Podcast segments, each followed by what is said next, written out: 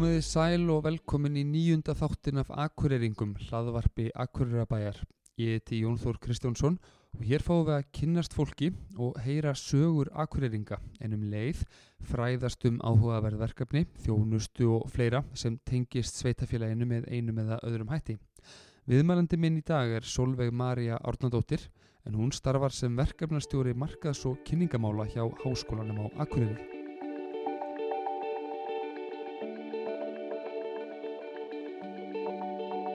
Vertu velkomin Solveig, Takk fyrir. hvað syngur í þér? Ég er bara ótrúlega kátt. Ég var að koma úr útilegu stúdendafélags háskólans á Akureyri, þannig að það er mikið stuðum helgina. Ég Já. og fyrir í háskólanum alltaf.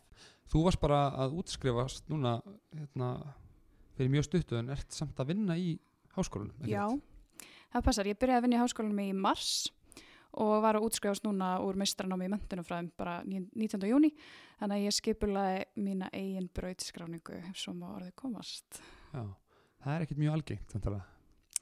Nei, við ætlum að þekkjum það ekki áður, þetta var mjög sérstakt, sérstaklega sko af því að ég held að ég myndi bara gangi í eitthvað Excel-skjál sko, skipulegja eins og hefur verið gert og, en svo kom COVID Mhm. og þá þurfti að grípa til einhverja annara aðgerða og hérna við ákvaðum bara að halda okkur við við bara heldum okkur við fyrir dagsetningu sem var já 13. júni, ekki 19. og við tókum það ákverðina að hafa rafræna brauðskráningu vildum ekki sapna fólki saman á Akureyri Mhm. þannig að ég skipulaði sjónvars útsendingu Og þú er vantanlega skipulagt þannig að þú myndir sjálf halda ræður og, og fá einhverja viðurkenningar og svoleiðis. Já, ég var kynnir og held ræðnar og, og fekk allar viðurkenningarnar. Nei, Ja. nei, alls ekki. Ég, hérna, en ég hins vegar fekk hérna, skipulega þetta þannig að þetta væri aðeins meira persónulegt heldur en hefur verið. Fekk samnumyndu mína og kandidata sem voru útskrifast til þess að flytja tónlist og kalla eftir kveðum frá svona fjölbreytum hópi kandidata. Það var ekki bara einn nefandi með einhverja ræðu.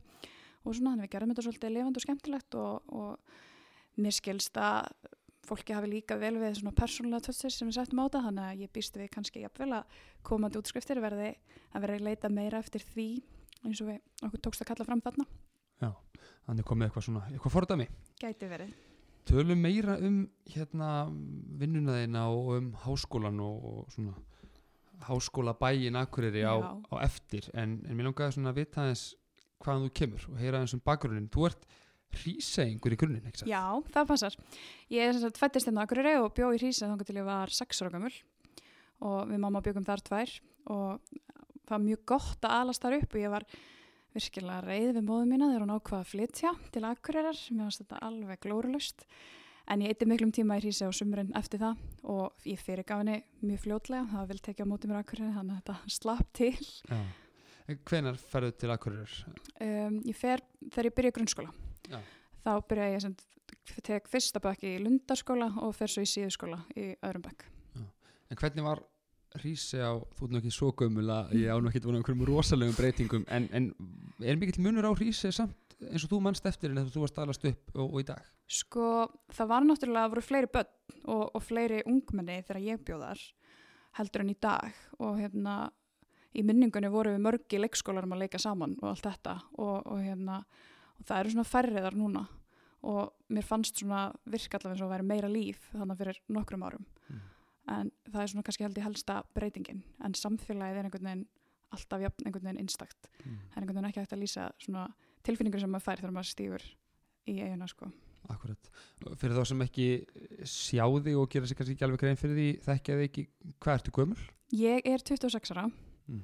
þannig að Þannig að það eru 20 ár síðan að þú fluttir frá Rísei já, og vantanlega eitthvað, eitthvað gerst. Þannig ferðu mikið, segir til Rísegar í dag og hefur gert? já, ég hérna mætti alveg vera dugleiri við það en ég á sem sagt fjölskyldu í Hrísæ þannig ég á mjög greiðan aðgang að því að fara þangað. Og mér finnst mér rosa gott þegar það er búið að vera mikið að gera og svo leiðis að þá fer maður þangað til að nullstilla sig. Og ég sé alltaf að ég sé að fara heim. Ég kalla Hrísæ alltaf heima. Og frænka minn tekur á, vel á móti mér og, og sér tekur mann í svona degur stundir þannig að það er og svo líka bara dásamlegt að lappa um eiguna og njóta náttúrunar sem er þarna Já. Getur við ekki verið saman um það að Rísei sé svona, já, vannmetinn perla. Þú veist, það er ekkert næstu í allir, ekki einu svona íbúar og akkurir sem að fara til Rísegar. Jú, ég myndi segja það. Það er einhvern veginn svona, og þegar ég á samtal við fólka mitt bara sem er líka bara hérðan og hefur búið alla tíð á Akureyri og það verður aldrei farið til Hrísar, það er bara svona, ha, það tekur enga stund að fara þarna sko þannig að hérna, það kemur alltaf mjög mikið óvart Já. þannig að ég myndi segja að hún væri mjög vannmetinn svona paradísar perla í Já. rauninni algjörlega og, og mjög gott að ég myndi að, að hérna, fara til þessar og fara í það er svo einmitt þú segir, það er svo einfalt og svo fljótur að komast ángað og ég meina að þetta er bara hérna, kortes kersla Já. eitthvað og korter með bátnum og, og frábært í svona dagsferðir og eða vera veist, eina helgi eða þetta er eitthvað dásamlega dagsferð og frábært með börn og svona í sumafríðinu að, hérna, fara að njóta þessum að eigin hefur upp að bjóða sko. Mm einmitt. Þú sagði mér að þú ættir svolítið stóra og flókna fjölskyldu svolítið svona íslenska fjölskyldu. Já, ég er mjög típiska íslenska fjölskyldu. Ég er sem sagt, já, fóreldrar mínir þau voru aldrei saman og hérna, ég elst upp hjá móðu minni. Hún síðan þegar við flyttum til Akureyra þá hérna kynist hún stjúpföðu mínum. Þau eiga saman sagt tvær dætur, sýstu mínar tvær sem eru yngre en ég, eðlega, og það eru sagt 17 ára og, og 15. Svo á pappi minn, hann er giftur stjúpmóðu minni, þau búið ekki ekki þau er saman eina dóttur sem er lang yngst og er tíu ára gömul og svo átti hún úr fyrra sambandi tvö sískinni mín, eitt bróður og, eina systur Mm. sem eru líka yngre en ég, hann er ég er svona er elst hópur. í hópnum, ég er sem stóra hópi. Já. og er svona ertu í miklu sambandi við hérna, fjölskylduna og svoleiðis? Já, já, já, það er alveg það er mjög góð, góð tenging hann á milli. Og hérna við, hérna, pappi eins og með pappa, ég ólst ekkert mikið upp hjá honum veist, til að byrja með, það var hérna ég var mikið hjá ömmu og afa hins vegar sem föður ömmu minni og föður afa mínum en pappi tók samt alveg virkan þátt og hérna, hann flutti til Reykjavíkur þegar ég var bara í grunnskóla og þá hérna hittustu minna en hérna við einhvern veginn svona eftir ég varð eldri og, og fór svona þroskast meira þá einhvern veginn tóku við svona við erum mjög góði vinir í dag og eigum svona bara svona stert vinasamband í rauninni gott, hann einhvern veginn svona saði við mig, ég man alltaf eftir, ég man ekki hvað ég var gömul, ég var svona kannski 13 ára eitthvað, 12 ára þegar hann segi við mig sko hans hlutur sé kannski ekkit endilega að ala mig nákvæmlega upp eða setja einhverja lög og reglur eða eitthvað slíkt, hann sagði þú veist það er búið að gera það og það eru, þú veist, að þannig að við einhvern veginn tókum einhvern veginn svona markmið, samanlegt markmið um að bara byggja upp mjög gott samband okkur á milli, svona vina, vina samband og hann er einn af mínum bestu ráðgjöfum í lífin í dag sko. Ok, frábært, það er nú alls ekki sjálfgefið að þetta fari svona í, í þessa áttina. Nei, alls ekki. Og líka bara eins og þegar stjúpmáma minn kemur það er ekkert sjálfs að ég var búin að eiga pappa minn einn og hún kemur þarna inn með tvö börn með sér sko sem að hann flytur til þeirra. Og ég einhvern veginn svona, hann var sá sem ég var bara alltaf búin að eiga að, þú veist, ein áttan útaf fyrir mig. Og það hefði alveg geta verið erfitt og það var alveg fyrst skrítið og, og, og mér fannst það svona sérstaklega, þú veist, það var, bara, það var komnir þarna þrý nýjir einstaklingar sem að voru búin að taka sko eignarhaldið af mér í rauninni, ég þurfti að deila því með einhverjum. En hún er bara ótrúlega indislega og gerði þetta allt mjög vel og sá svona til þess að hún myndi líka kynnast mér beint, þú veist við erum mjög góða vinkonur og eins með sískinni mín við einhvern veginn bara svona smullum saman strax, Mm. það var aldrei neitt vesen sem að ég er mjög þakklátt fyrir af því það er alls ekki, alls ekki sjálfgefið einmitt og þú, þú talar alveg um þau sem, sem sískinni þín. já, já, ég guð, ég fyrir ekki að segja, já, þetta er hann er hérna svona hálfbráð minn og svo er hérna stjúpsýsti mín og eitthvað svona, Nei, nei. þetta er bara, þau eru bara öll sískinni mín og, og eru öll jöfn það er allur gangur á því auðvitað, hvernig þetta Já. er en þetta er eitthvað sem mjög margir íslenskir eh, íslendingar þekkja og hérna auðvitað gríðarlega algengt svona alls konar fjölskylduminstur já. eh, en þú flyttur til Akureyra segiru sex ára gömul byrjar þá í grunnskóla vendanlega Hva, hvað tekur við þar? Ég var sko, já, ég fer hann í lundaskóla í fyrsta bekk og hérna bjó hjá ömmu minn og afa þegar ég var í fyrsta bekk af því að móðu minn var veik á þessum tíma, freka mikið, þannig ég bý hjá ömmu og afa og, og sísk, yngri sískinum hans pappa, sem var svona stóru sískinu mín. Og grunnskólinn, ég man ekkert mikið eftir sko fyrsta bekk, það var hérna, en svo fer ég sér til síðuskóla í öðrum bekk. Og þar var tekið rosalega vel á móti mér og þar eignast ég bara bestu vinkunum mína sem ég á enn í dag og, og, og þetta svona eignast mjög góðan vinahopp þar. Mm. þannig að það er svona það er svona í rauninni það sem ég man eftir svona byrjunina og skólagöngun í rauninni. Akkurat. Og þú ert nú sko mikill svona þú tekur mjög virkan þátt í félagslífinu í, í dag og, og hefur gert í háskólanum veit ég, já. byrjaði svona þessi félagsþörf hjá þér hérna strax í, í grunnskóla sko, hún byrjaði rauninni strax í grunnskóla og var, ég var mjög svona já, tók mikið þátt í grunnskóla þú veist, maður mætti á öll hérna, opnu húsin til Lindu sem maður gætt gert og, og var á einhverjum svona starfslista sem þá var tók, þú veist, ég vildi aldrei missa af neinu einhvern veginn. Og hérna, svo fer ég í mentaskólan á Akureyri og þar svona kemur kannski á óvart sko, þar tók ég ekki þennan klassíska virka þátt sem að ég hefði í rauninni átt að gera eða hvað, eða sem að fólk hefði svona giskað og ég hefði gert Mhm. og fór einhverjum svona smá lægði í þessum kapla þar en svo einhvern veginn þegar ég byrjaði í háskólum Akureyri þá hérna hófst þetta ferðalega á ný af mjög miklum krafti Já.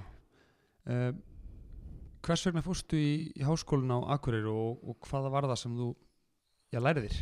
Já, sko, ég ætlaði aldrei í háskólan Akureyri. Ég einhvern veginn, maður fekk kynningar þegar ég var í mentaskólanum og ég er svona, já, einmitt að ég sé fyrir háskólan Akureyri, þú veist, ég er búin að vera hérna, öll þessi ár maður á bara að fara til Reykjavíkur eða eitthvað.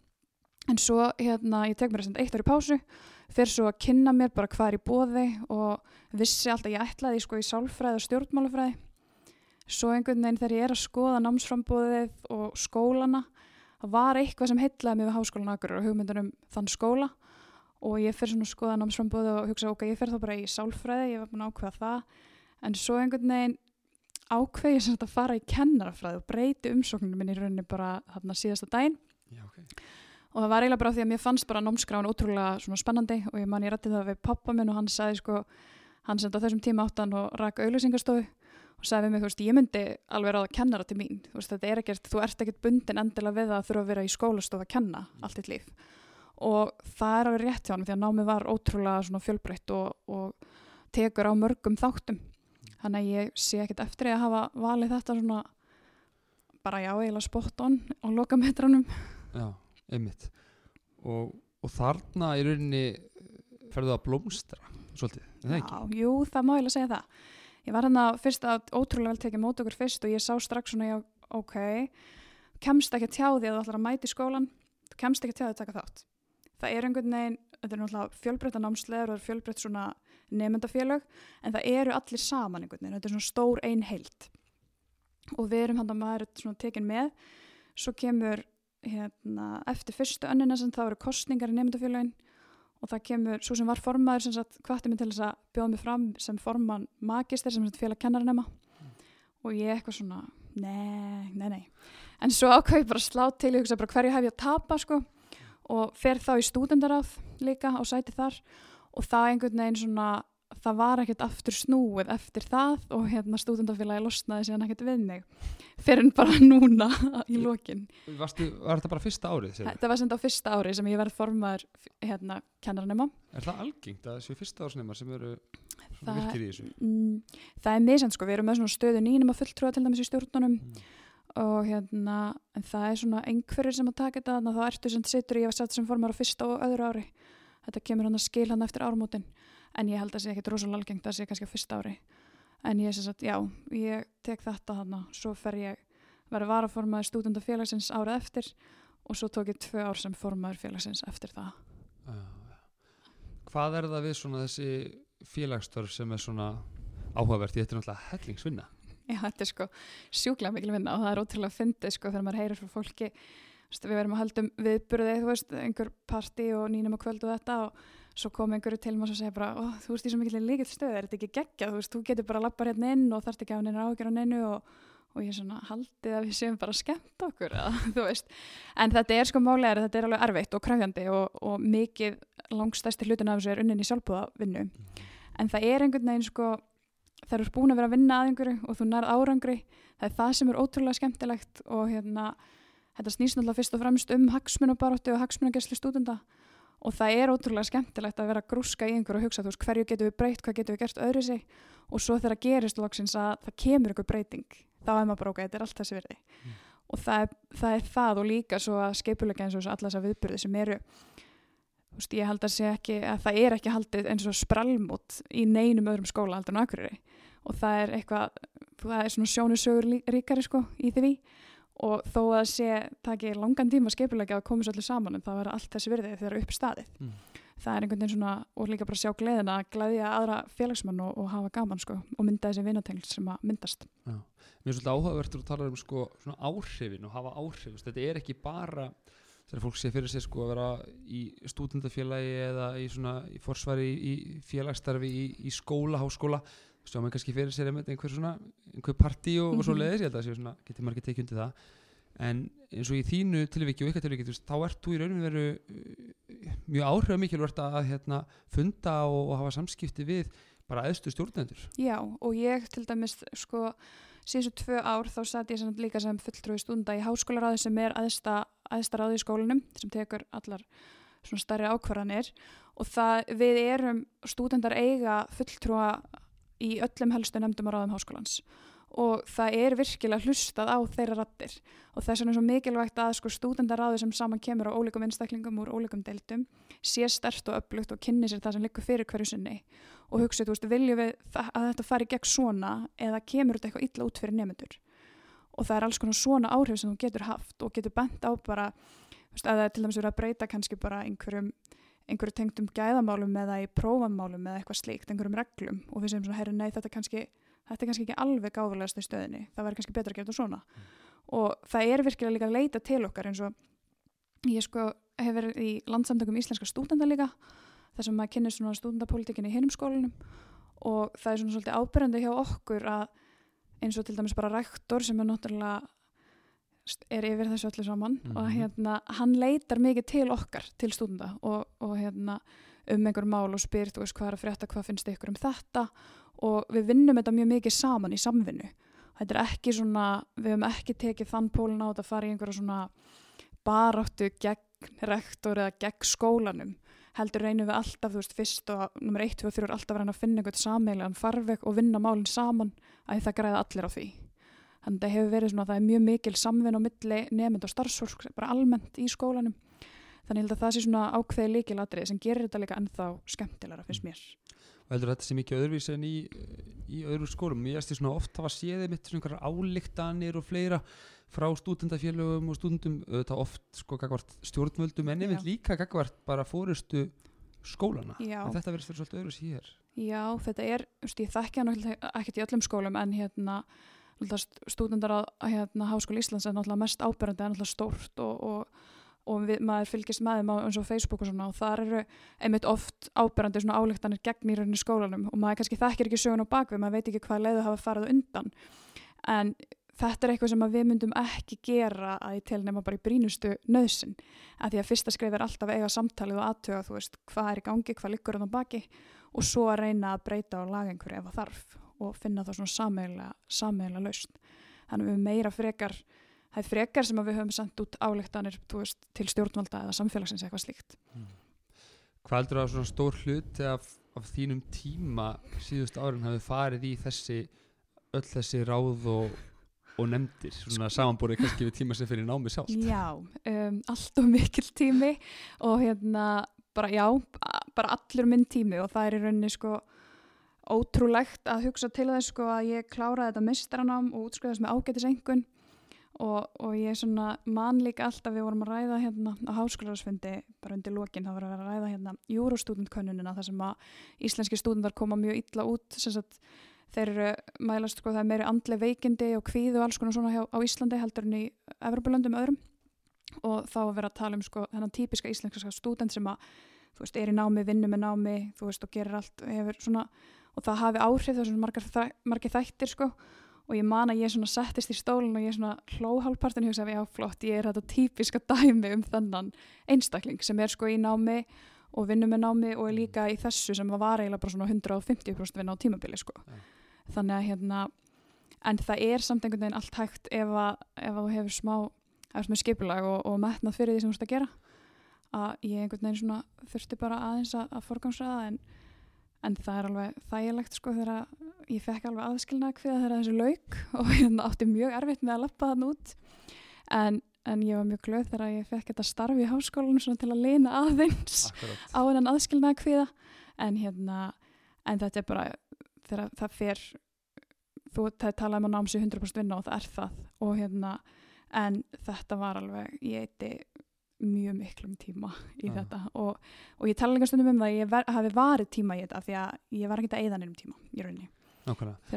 Og maður þarf vantilega að hafa mikinn áhuga á þessu sem maður er að gera. En svona, hvað heldur að sé þegar nú er þetta oft svona sama fólkið sem er hérna, mjög upplugt í hérna svona stjórnum hér og þar og ég held sér að þetta segja, það eru suma típur sem bara þetta Já. hendar betur en öðrum hvað er það við þig sem að hérna, gera það verkum að þú ert svona eins og mikið áhuga á því að vera í svona félagsstörfum Ég sko held bara, ég er náttúrulega hefur mikið metna fyrir því sem ég er að gera og hérna og er svona einhvern veginn ég varð hálgert sko þegar ég byrja fyrst í stundur að varð ég svona hálgert svona nörd sko sem að heitlaðist af þessu og sá, þú veist, ég geti lært inn á þetta og, og haft einhver áhrif.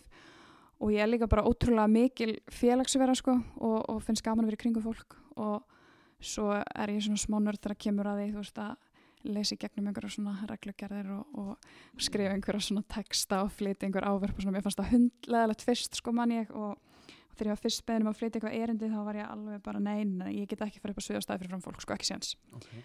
en svo var það ekkert mál og, og hérna og svo líka, þú veist, ég er mjög svona jákvæð eðlisfæri og, og hérna ákveðin og ég held að það sé svona ákveðnir kostir sem þú þarfst að hafa í þessu og þarfst að vera með svolítið bein í nefina því að það er ekkert öllum þú ert ekkert alltaf vinsalasta manneskjan í hópnum þegar það ert kannski í, það kemur upp eitthvað mál og svona sem er kannski erfitt og, og þú getur alveg, þú þarfst að hafa bein í nefinu og standa, standa sterkur á, á þínu bara alltaf. Já. og það er alveg pínu. En ég lærði bara fljótt að þú getur aldrei verið allra og það er bara allt í lægi þú veist, þannig að hérna en það lítur að hafa mikil áhrif á mann og, móta mann að þurfa að fara í gegnum það að vera bara einmitt, taka erfar ákvarðanir og, og hérna, jafnvel ekkert vera vinsælasti manneskinni já, á staðnum. Það er það sko. En hérna maður læri líka bara af því sko. Og hérna mér fannst það mjög erfitt fyrst. En það hefur sem betur fyrir ekkert oft komið eitthvað þannig upp á en það hefur alveg verið og hérna og svo læri maður bara taka því að því að maður veit maður þarf bara alltaf að vita hvar maður stendur og hérna vera vissum af hverju þetta að gera þetta svona en ekki svona. Og hérna að þú getur fært rauk fyrir því og, og síðan fundið einhvern svona farveg þar sem allir eru sáttir á lókum þá er það bara mjög mikil kostur Það segja margir að samfélagið í háskólanum Akureyri sé einstakt Já, uh, hvernig þá? Hvað, hvað er það við, við samfélagið í, í háa? Sko, ég held að þessi náttúrulega kannski fyrsta lagi það að það er einhvern veginn þessi svona stóra heild sem myndast. Það er bæðið þá heild á milli bara, það er svona ein stór nefnda heild í rauninni og svo líka á milli nefnd og starfsfólks. Þú veist, kennararniðinir, þeir þekkja þeim með nafni, þeir vilja virkilega þeir gangi vel í náminu og allt þetta og vilja sjá þeir ná árangri. Starfsfólki, hvort sem er á skrifstofunni eða í stóðþjónustinu eða öðru er, þú veist, búið og búið til þess að hjálpa þér og þið hilsist á ganginum og hérna, og svo er það líka bara það er einhvern veginn bara þessi tenging sem myndast og við erum náttúrulega ekkert risa stór skóli og ég hugsa að það hafi líka áhrif. Við getum gert þetta svona af því að við erum af þessari stærð sem við erum. Og hérna, ég tala stundum um sko, fyrir þá sem hafa verið í mentaskólum og akureyri þegar ég kynni háskólan þar þá segi ég alltaf að þetta sé svona gott framhald af Emma, þetta er svona, þetta er svona næsta leveli af því að ég, mann ég spurði einhvern tímann sko út úr salin í mentaskólum ég sagði, þú veist hvort að væri kviðin fyrir að hætta í mentaskólum, þetta er að sakna þess og það var allir réttu pönd og ég sagði þá, þú veist, þyrfti ekki að hafa nýr áhyggjur þetta væri til dæmis í bóði sem væri svona ágætt skref fram á við fyrir það og það er líka bara eins og félagslífið er ótrúlega stert og, hérna, og, þa og það sem gerir það held ég eins og þetta er líka það að þetta er heill hópur af öllum nefndum sem að hittist saman og er saman. Þetta er ekki, við erum ekki að skipta okkur niður eftir einhverjum dildum eða, eða námslegum. Það eru allir saman. Já. Þú veist, það er haldin ein stór ásátið fyrir alla nefndur. Það er, þú veist, það er farið í ferðir öll saman og, og hérna, það er ekki gert í stærri skólum og það er bara kannski ekki hægt. Þannig að það er svona, ég held að það séu líka breytur sem hafa mikil áhrif.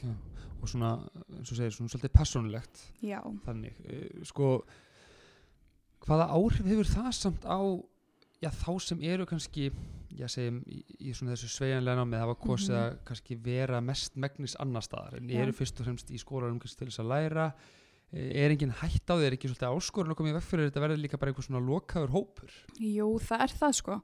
Og það er hérna og það er svolítið skemmtilegt sko eins og margir sem að búa á ákveðnum stöðum á landinu hafa nýtt sér þessi hérna, þessi símöndunastöðvar eða, eða þekkingasetur sem eru í bæjarfjölanum að hittast þar saman og, og hérna, læra saman og mynda svona hópar þar. En svo er sem sagt það eru lótur í, í öllu námi, námslótur þar sem þú þarfst að koma og í, í mjög mörgum deildum er skildumæting og hérna þá er þá er svona tækifæri til þess að oftast úr eins og í minni deild að þá voru við ekki að hlusta fyrirlistra í lótum, heldur bara að vinna verkefni og, og þá gefst tæki fyrir svona tengslamyndun og svo eru þessi aðildafélag sem aðstúndafélaginu sem er alltaf með einhverja svona lótu hittinga í þessum lótum Já. þannig að og það er alltaf stílað inn á það að þegar það er, eru fjarnumar eða, eða við reynda flokkum ekki nefndur lengur eftir staðar og fjarnumum en þeir sem búa annar staðar þegar þeir koma til aðgörar þá er alltaf passað að sé eitthvað í bóði fyrir þau og hérna eins bara með þessar stærri viðbyrða þeir eru alltaf auglistir bara strax um leið og skólar og byrjar og það var til dæmis eins og ásatíðinni í fyrra þá voru margir sem komu bara utan að landi til aðgörar til þess að vera ásatíðinni Ok, frábært. þannig að það er alveg Er góð þáttaka þá í félags, félagslífur og viðbyrðum? já, mjög góð. Og hérna það er eiginlega bara kemur, hún er eiginlega alltaf að verða svona síðust ár. Hún hefur alltaf verið góð en hún er, ég myndi segja hún var mjög góð í dag. Hún er svona verið að þróast í, í ennþá betri þáttöku Einmitt. Og eins og þú nefndir áðan, þá ertu farin að vinna núna í háskólanum og byrjaði reyndar að vinna hérna, aðeins áður en þú útskrifaðist núna í Já. vor. Til að hafa mikið með útskriftina. Takk fyrir. Uh, þú ert mestari í mentunafræðum ekki satt? Jú, Uh, og þú varst byrjað að vinna í háskólanum einhverjum nokkur mánuðum áður hvernig já, kom það til og hvað ert að gera þar? það er sem sagt vantaði bara aflýsingu inn á markas og kynningasvið og ég er sem sagt starfsmöður, ég er verkefnastöri markas og kynningamála og ég er að gera ímislegt þar, uh, hérna ég sé um sem sagt að bara markasetja skólan eins og bara fyrir, það þurfti náttúrulega ég tek við starfinu í mars og þá þurfti að byrja að setja byrtingaplan á stað og byrja að auglýsa að við varum með opið fyrir umsóknir og allt þetta. Þannig ég held utan um það. Svo eru það líka viðburðir og hérna eins og til dæmis brautskræningin, hún var á, á mínum herðum í þetta skiptið. Og svo núna í sömar þá er ég sem sagt með þetta tvískipti, ég er sem sagt bæði þarna og svo er ég líka í símendun sem er sem sagt að því við erum með sömanám í bóði núna í sömar þar sem er mjög góð þáttaka út af hérna hefur áhrif ástandið í samfélaginu. Og ég er svona bæði er sem að sjá markas og, og kynningamál fyrir símendun þannig að það er mjög skemmtilegt og þetta er mjög fjölbreytt starf. Og svo einhvern veginn svona gerist það held ég bara maður svona flækist líkin í önnur mál sem eru kannski ekkit endilega og hérna, það leita ráða við ýmsu. Það er svona ýmislegt sem að kemur á borði hjá manni. Já. en það er líka það sem er skemmtilegt. Er, þú veist, mér finnst þetta fjölbreytt og, og skemmtilegt starf.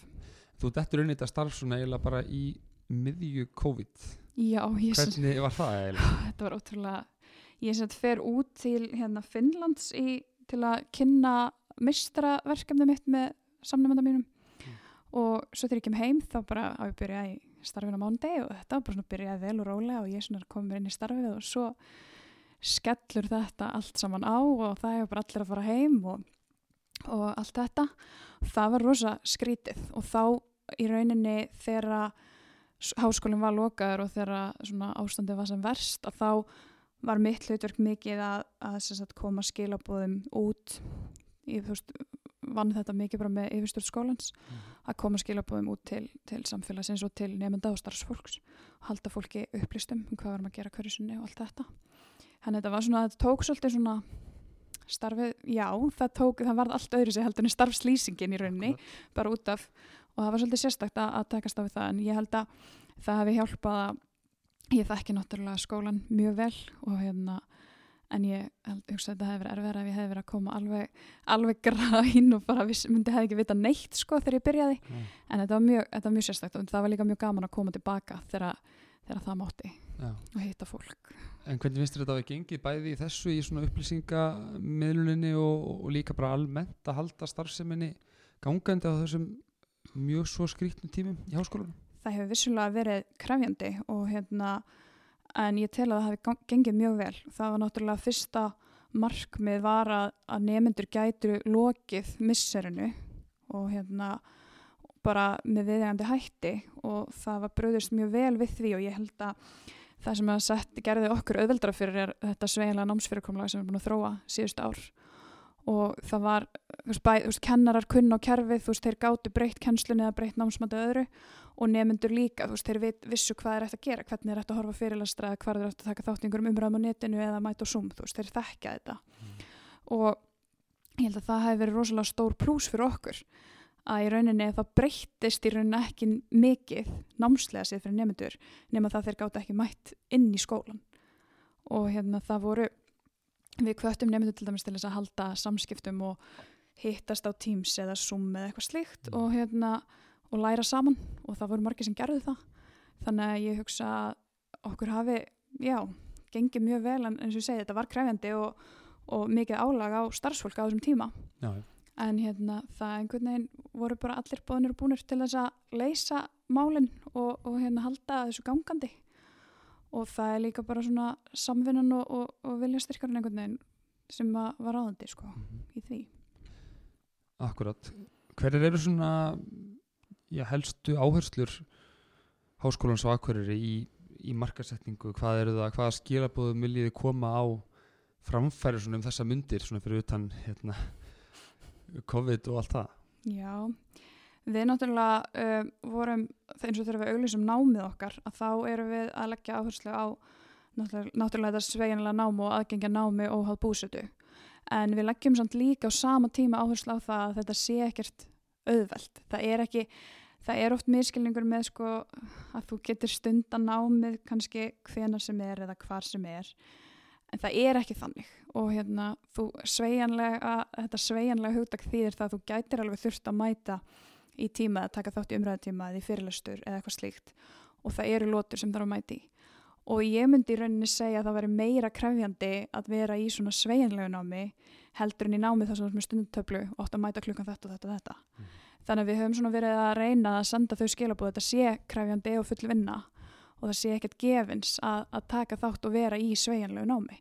Þetta krefst miklu meiri aga heldur en, heldur en að vera bara að fá þessa stundutöflu og mæta bara samkvæmt henni sko þannig að hérna þó það séu mjög margir kostir sem fylgja þessu sveigjanlega námi en þá er það samt líka krefjandi.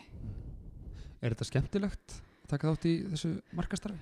Já, mér finnst það mjög skemmtilegt sko. Ég hérna hef unnið með skólanum í hérna á auðlýsingarstofu síðust ár Ok. sem er staðsettir Reykjavík og hérna ég einhvern veginn svona lættist óvart út í að pappi minn átti og rak auðlýsingarstofu og hérna sem hann stopnaði á sínum tíma og mér vantaði sömarstarf þarna eitt sömarið og hann hérna ber mér hvort ég vil ekki bara koma til sín og ég svona ég veit ekkert hvað ég er að fara að gera. Og hérna, en ég ákvað ég er svona pínu þannig sko, þegar ég sé einhver fæ einhver tækifæri sem ég sé að gætu gagnast mér og þá stekk ég bara á þau og ég gerði það þarna og sá svo sannlega ekki eftir því og læriði mjög margt á, á þessu þannig ég var, þegar ég tek við þessu starfi í háskólum þá var ég með mjög góðan grunn í, í markasmálum þannig að hérna, það bjargaði mér mjög mikið Mhm. Og er þetta eitthvað sem þú getur hugsað að gera uh, í framtíðinni? Já, alveg, mér finnst þetta þetta er ótrúlega skemmtilegt og hérna og þetta er líka svo sko, breytilegur heimur sem er gaman að taka þátt í hérna og bara hvernig þú getur það er hægt að gera bara svo ótrúlega margt og þetta er svo fjölbreytt þannig að engin dagur eins í, Mhm. í þessum störfum og ég get vel hugsað mér að, gera eitthvað meira af þessu og hérna mér finnst þetta alltaf að fyndi sko því að pappi er já, markasfræðingur og verið í þessu mörg ár sko og mér fannst þetta einhvern veginn fyrst sko þegar mann einhvern tímann það voru að horfa á einhvern sjónastátt og það koma auglýsingar og ég var að spóla sko yfir auglýsingarnar og hann bara, hvað er þetta að gera? Þú veist, halló, við erum að fylgjast með. Og ég mann bara, við erum góður, þú veist, að þessu að nenna að vera bara í vinnunni allan sólaríkin og hérna, en svo er ég núna orðin manneskjan sem finnst sko auglýsingarnar eiginlega skemmtilegastar, hann er að svona epli hefur ekkert fallin eitt rosalega langt frá eiginni þarna sko, hann að hérna, það er svolítið skemmtilegt. Þetta er mjög spennandi sko, starfsvettvangur og ekki síst kannski bara vegna þess að hlutinni breyta svo rosalega rætt. Já, Þú þarft að vera alveg með puttan á púlsinum í aðferðum og, og, og leiðum til þess að ná til fólks. Tala nú ekki um eins og í sko, þegar þú ert að vinna fyrir háskóla og ert að ná til svona kannski allavega ekki síður yngri kynnslóðurinnar. nákvæmlega og þar þarf maður alveg að hugsa vel og þú þarfst að hugsa sko alltaf náttúrulega hver er markkópurinn og það eru bara ólíkar aðferðir sem þarfst að nota með það hver markkópurinn er hverju sinni Mm. og það er ótrúlega gaman að geta hérna og ég var að mitt sko þegar ég var í æfingakennslu í vetur í náminu mínu þá vorum við að, að ræða við tíundabæk um um eitt fjölmiðla og auglýsingar og svona og var gæt útskýrt fyrir þeim sko hvernig við stillum þessar auglýsingar og af hverju þeir sjá auglýsingar sem þau sjá Mm. og þau voru alveg bara erst að grínast, er þetta bara hægt Mm. það fannst það svolítið merkilegt og þetta er alveg merkilegt að þú getur bara virkilega valið, þú veist, ég get alveg ég vil að þú sjáur auðlýsingunum mína og þá finn ég bara hvaða líkindi ég þarf að hafa og þá verð ég óþólandi á þínum miðlum, skilur Já, það væri bara gaman þú myndir prófa það ég, kannski get bara farið í smá ekki? farið í smá eftir í svona smá rannsókn af Já, minni. akkurat Já, þetta er mjög, þetta er mjög áhugavert uh, Við erum búin að tala dálítið mikið um hvernig að vera nefandi í HA og, og störfiðin í HA uh, Við erum okkar pínu að spyrja þið út í svona háskóla bæinn, sko Akureyri Mhm. uh, Nú er háskólinn, það er ekkert langt síðan háskólinn fagnaði 30 ára afmæli Passar. Hversu miklu máli skiptir skólinn, heldur við, fyrir Akureyri? Er þetta að lýsa því eitthvað? Sko, það er oft talað um Akureyri fyrir og eftir stofnun háskólans í rauninni og hérna ég til dæmis pappi minn var að mitt að ræða við mig að það hefur margir í bænum og ég hef lesið svona gamlar greinar að það var, voru ekki allir sáttir við að hér ætti að stofna háskóla og hérna það var svona fólk sá ekki alveg tilgangin með þessu Mm. en ég held að þetta sé einn háskólan Akureyri og stofnun hans sé einn eitt af besta sem hefur komið fyrir Akureyri í rauninni af því að það fylgdi fólk og ungt fólk með háskólanum og, og það var hægt að ebla samfélagi mjög mikið. Og það er, ég meina háskólin er í mjög miklum samskiptum og samstarfi við bara stopnarnir og fyrirtæki í, í sveitafélaginu og allt þetta sem hefur mikil áhrif. Og, hérna, og það er líka bara skemmtilegt og sérð alveg eins og haustin þegar nefndunni koma það, það kemur eitthvað svona aðeins nýtt líf inn í bæinn og nýr og svona ferskur andblær. Og svo líka þeir sem að hafa náttúrulega eins og kosið að flytja til Akureyri og vera einn í staðanúmi margir þeirra eru ennþá búsettur á Akureyri og hafa ekkert farið. Þannig að þetta hefur líka mjög mikið svona þegar kemur bara eflingu byggðar og slíkt. Þannig að hérna, ég myndi segja að það veri líka mjög mikill kostur. Og ég þekki alveg nokkur dæmi um einstaklingar sem að mitt ætluði bara að flytja til Akureyri og stoppa einn í þrjú ár og, og ná sér í háskólagráðan og fara svo aftur söður en eru hérna ennþá Mm. og hafa verið að taka virkan þátt í samfélaginu sem er náttúrulega bara mjög jákvætt Já. En öll þessi áhersla á þetta sveigjanlega nám sem gerir Mhm. fólki mjög öðvöld fyrir að stunda nám með háskólinu ákvörður án þess að flytja engað einhver getur sagt að það drægir svona úr eh, þessu byggða byggða vægi Hva, hvað segir við því? Sko ég myndi segja að það er mjög einfalt svar við því af því að hérna ef við horfum bara á byggðir út eins og út á landsbyðinu minni byggðir og, og hérna kannski meira að segja bara viðkvæm byggðarsamfélög að þá er líka hægt að horfa á eflingu byggða þar af því að það hafa, rannsóknir hafa sínt það til dæmis að þeir nefndur sem að kjósa að búa í sinni heimabyggð og stunda nám frá háskólinu okkur í, í sveigjanlega námi að þeir búa ennþá í sinni heimabyggð eftir útskrift og eru jafnvel búin að taka þá framförum í starfi, farnir í eitthvað nýtt starf og búin að þá bæta samfélagi sem þar er. Þannig að ég myndi segja að þetta hafi viðtæk áhrif á landsbygðan alla, ekki bara Akureyri. Já, þannig að við erum kannski ekki að hugsa bara um okkur sjálf hérna Nei, við getum kannski, við erum kannski aðeins að horfa út fyrir. Aðeins- að horfa út fyrir. Já, þetta er, þetta er góða punktur uh, En það er svolítið skrítið það væri svolítið skrítið að hugsa sér Akureyri allavega í dag án háskóla Já, ég held það. og þetta er líka, þetta er ekki bara nefndunni því að það er náttúrulega er líka fjöldi starfsfólks Já, og, hérna mentað fólk mjög mikið hámentað fólk í Já, mörgum tilvíkum já. sem vinnur í háskólanum og við Algjörlega. viljum auðvitað ekki, ekki missa það fólk ekki frekar en neitt annan. Uh, en háskólan Akureyri sko hann hefur hann hefur stekkað og, og nefndum hefur fjölgað og, og því fylgja þó nokkrar áskoranir og það hefur verið alltaf mikið í fréttum svona bæði núna og eða síðustu svona kannski tvö árun eitthvað svoleiðis sérstaklega svona þessar helstu áskoranir. Og getur aðeins líst fyrir okkur sko hvað er, hvað er málið? Sko, málið er það sem sagt að vakstaverkir háskólans Akureyri hafa verið mjög miklir undanfarið og síðustu ár og hérna það má í rauninni rekið þetta til sko árið 2015 þá var sem sagt nemynda ígildi, sem fjölda nemynda ígilda var frist og en árið 2015 þá síðan þá, þá hefur háskólinn stækkað mjög mikið og nemyndafjöldin aukist, bara aukist. Og á meðan að svo, svo, á sama tíma og nemyndafjöldin eikst að þá fáum við ekki aukið fjármagn. Þannig að í rauninni síðust ár hefur verið að menta og verið með einstaklinga í skólanum sem að við fáum ekki greitt fyrir. Og þessi leiðrætting hefur ekki ennþá átt sér stað á þessum. Og það eru margir sem spyrja sko af því að við höfum þurft að grípa þá bara til aðgangstakmarkana Mm. sem er bara ólíkt öðrum ofinbörum háskólum og ég var að mitt spurða því þegar ég var eitthvað að töða yfir þessu og skrifa einhverja grein og eitthvað, þú veist, bara er þetta ekki líka vandamál í HÍ til dæmis, af því að þar var líka nefndafjöldin, nefndíkildin frist. En máli er að í HÍ 2015, eða hjá okkur 2015, það voru miklu færri nefndur en núna. Þeir eru 2% fleiri í dag, en í HÍ eru nefndinni færri heldur en 2015. Mm. Þannig að þess vegna er þetta ekki vandamál í rauninni þar. Akkurat. og það er rauninni og við höfum þurft, já, síðustu ár að, að grípa til aðgangstakmarkana í auknum mæli. Mm. og það leit út fyrir að við myndum þurfa núna fyrir komundu skóla ára að hafna alltaf helmingum sókna en háskólaráð samþýttu nú bara fundið sínum í síðustu viku að fjölga upp í hvað? Rúmlega eh, um 1400 samþykja um 1400 umsóknir og það er komið til vegna yfirlýsingar frá menta og menningamálaráðanetinu og, og ríkistjórninu um að það eigi að tryggja fjármang til þess að taka móti aukinni aðsókn. Og, og háskólaráð er að leggja tröst sitt á að það verði raunin og verða veruleika. En það er mikilvægt líka í því samingi það verði þá trygg, tryggt líka að þessi það þarf að leiðrétta þetta nefnda ígilda fjölda þeirra. Þannig að við fáum í rauninni bættiða fyrir það sem við höfum sko ekki fengið síðust ár.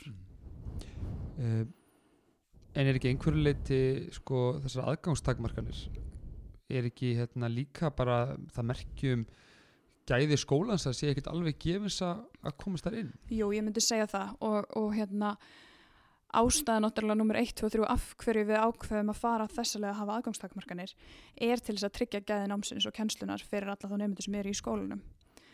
Og það er alveg jákvætt í raunin að hugsa sér, þú veist, já ok, það er frábært þú kemst inn í háskólan og akkurir, það lítur að vera þú lítur að vera gáða nefndaskiluru en, en á sama tíma þá þarf samt aðgengi að vera gott að mentun og að háskólum og hérna og háskólan Akureyri gegnir ákveðinu leikilutverkir að kemur að aðgengi að mentun óhað búsetu. Akkurat. Og við erum að takmarka það aðgengi með þessu. Þannig að þetta er svona já, þetta er en ég meina það er allavega jákvætt að, að það sé verið að tryggja og gæðin eru alltaf sett í fyrsta seti Já. sem er mjög gott og hérna þannig að það er jákvætt allavega. Já, snýst náttúrulega vantala svolítið mikið um líka bara hver markmið segir, eru eins og þú segir sko þessi svona þessi byggða sjónamið mm þau, mann er skilst að þau hafi verið aldrei ríkjandi þegar skólinn var stopnaður á, á sínum tíma.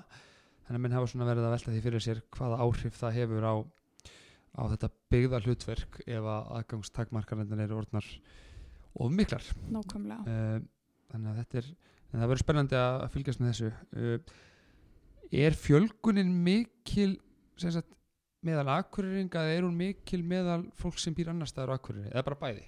Ég myndi segja að það er bara bæði. Já, það er hérna, ég hef nú ekki séð hvernig umsóknir dreifast núna nei, nei. en hérna uh, eins og til dæmis bara það er mjög stór hluti okkar umsökjanda sem kemur frá mentaskólum Akureyri hefur verið. Og hérna það komur á óvart þegar ég frétti það af því að ég man bara þegar ég var í emma og hugsaði bara, "Guð, ég ætla ekki háskólan Akureyri sko. Og það voru margir samnefndu mínir á þeirri skoðun líka. En, en svo held ég að það breytist eitthvað svona þegar þú fyrir aðeins að skoða málin frekar.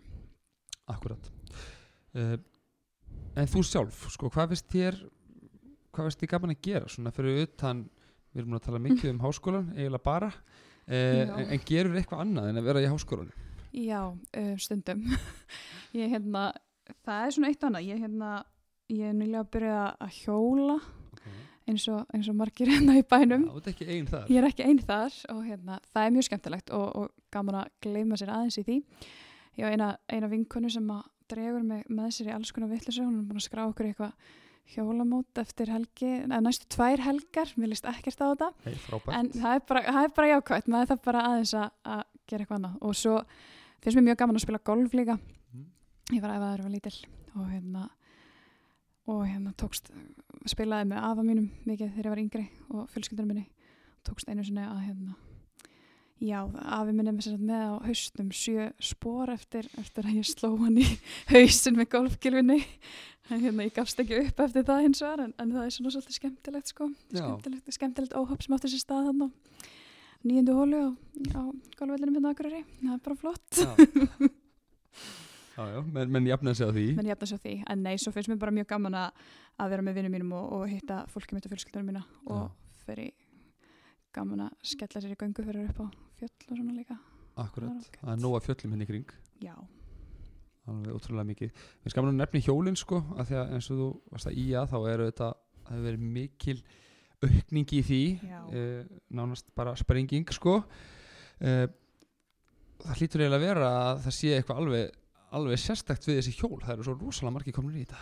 Þetta er náttúrulega bara sko, þetta er svo geggjuð hreyfing sko, þetta er svo skemmtilegt líka, þú ert einhvern veginn eins og ég til dæmis sem er fyrir framann tölvuna allan daginn eða í símanum með eitthvað eða slíkt, þú ert með svona einhvern veginn áreiti hangandi yfir en alltaf. Þetta er svo fullkomi frelsi sko og þú einhvern veginn ferð þann út á hjólið og þú gleymir þér algjörlega. Og það er, það er alltaf það sem mér finnst skemmtilegast við þetta. Og svo líka fylgir bara góðið félagskapur sko. Og er það einhver, eru það svona hópar eins og hérna fyrir norðan á Akureyri sem eru uh, virkir í Það eru alls konar hópar Já. í þessu, já, og svona samhjól og, og slíkt sko. Já. Þannig að það er alveg, það er komin, hjólamenningin er held ég komin til að vera á Akureyri. frábært og gott að hjóla hér á, á þessu svæði Já. það er mjög gott sko. Pínu pyrrandi sko þegar maður er kannski búin að taka eiga fyrir ringin eða eitthvað, svo býr maður upp í þorp eins og ég sko, þá þarf það að fara að sligast upp brekkurnar aftur í lokin sko. Já. það er smá pyrrandi en, en nei, það er mjög gott að hjóla akkurir og hérna í kring og það er líka bara svo stutt að fara í, á einhverja góðar í einhverja góðar hjóluleiðir og, og hérna og líka bara fallegt umhverfi Mm. þannig að það hefur mikil áhrif Einmitt. Hvernig lítur framtíðin út hjá þér? framtíðin Svona bara einn létt spurning svona eiginlega í lokin sko. já, hún er óskrifa blað eins og er en hérna það eru allar líkur á því að ég sé að fara að kenna í, í haust og ég er náttúrulega, já, komið leifisbreytti kennslu. Og svo sjáum við bara hvað hvað mér langar að gera eftir það. Ég er hérna búin að hugsa um alls konar líka framhaldsnám af því að ég ekki komið leið að verið í skóla. Einmitt.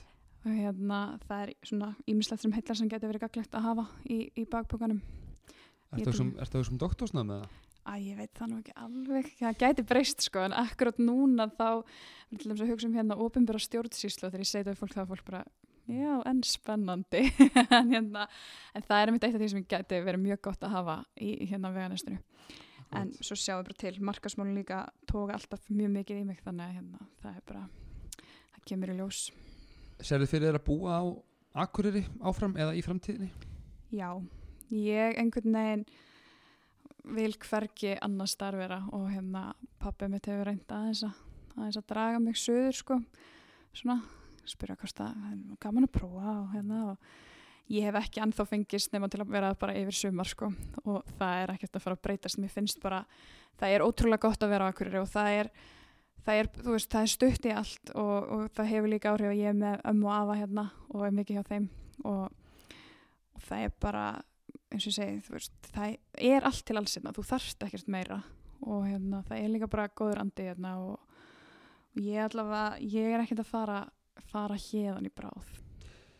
Það er frábært, góð lokhórð Við skulum Mhm. bara slíta þessu spjalli hér með. Solveig Marja Átnandóttir, takk kærlega fyrir spjallið. Takk sem leðis